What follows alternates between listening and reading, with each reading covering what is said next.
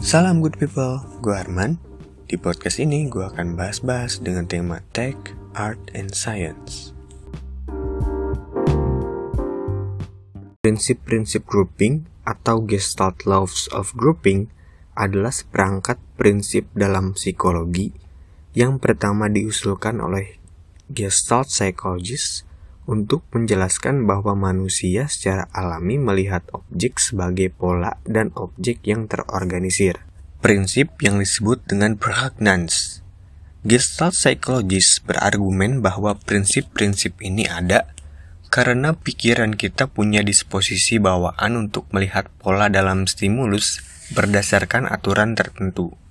Prinsip-prinsip ini dibagi menjadi lima kategori. Proximity, similarity, continuity, closure, dan connectedness.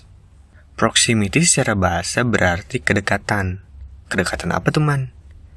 Jadi gini, Law of Proximity menyatakan bahwa items yang berdekatan kemungkinan akan dianggap sebagai bagian dari kelompok yang sama, berbagi fungsionalitas atau sifat yang serupa. UI design sangat bergantung dengan proximity dan grouping principles lainnya. Karena dengan menginterpretasikan dengan benar elemen mana yang berhubungan, sangat penting untuk keberhasilan pengguna berinteraksi dengan interface-nya.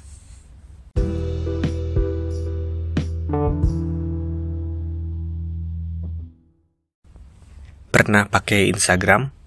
Enggak deh, mungkin pertanyaan yang lebih tepat, kapan terakhir kali buka Instagram? Seminggu lalu? Kemarin? Beberapa menit lalu atau malah dengerin podcast ini sambil buka Instagram. Pernah merhatiin nggak feed di Instagram? Lebih dari gambarnya, videonya, caption, atau kolom komentar yang pedas nggak? Nah gini, struktur post di Instagram dari atas kiri itu ada profile picture dan di sampingnya persis itu ada nama akunnya. Dengan di bagian paling kanannya ada kebab button. Itu loh button yang ikonnya tiga titik vertikal. Law of proximity bisa kita lihat di bagian profile picture dan username-nya. Di sini dua komponen ini punya satu fungsi yang sama, yaitu masuk ke profile yang punya atau mungkin agak beda dikit kalau akunnya punya story. Jadi begitu tap profile picture diantrin ke story yang bersangkutan. Tapi di sini fungsinya tetap sama atau serupa, yaitu berhubungan sama akun yang posting. Sementara kalau kebab button yang di kanan tadi, Begitu kita tap akan menampilkan fungsi yang berhubungan spesifik sama post itu. Kegunaannya buat report, copy link, dan share. Yang ke semuanya ini berhubungan dengan post spesifik ini dan bukannya ke akun yang post. Moving on, kalau kita lihat di bawah foto atau videonya juga ada grouping lain untuk love, comment, dan send. White space di antara mereka cukup dekat dibandingkan ada satu lagi di paling kanan icon bookmark untuk save yang berdiri sendiri. Kenapa gitu? Jadi di sini bisa kita artiin tiga button yang di grup tadi punya satu kesamaan dalam hal interaksi langsung terhadap post yang dibuat.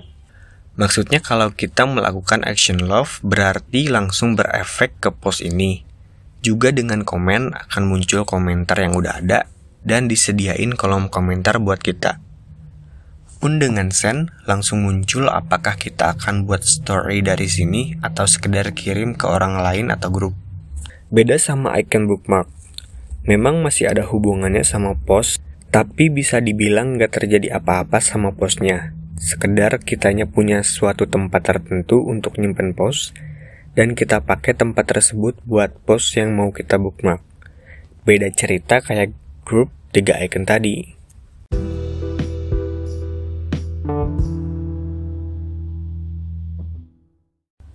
Oke, jadi poin-poin yang bisa kita simpulkan dari law of proximity ialah satu, Proximity membantu membangun hubungan dengan objek-objek terdekat.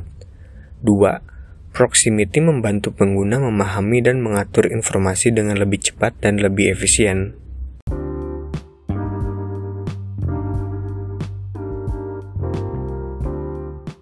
Oke, sampai di sini pembahasan Laws of UX yang ke-8, Law of Proximity.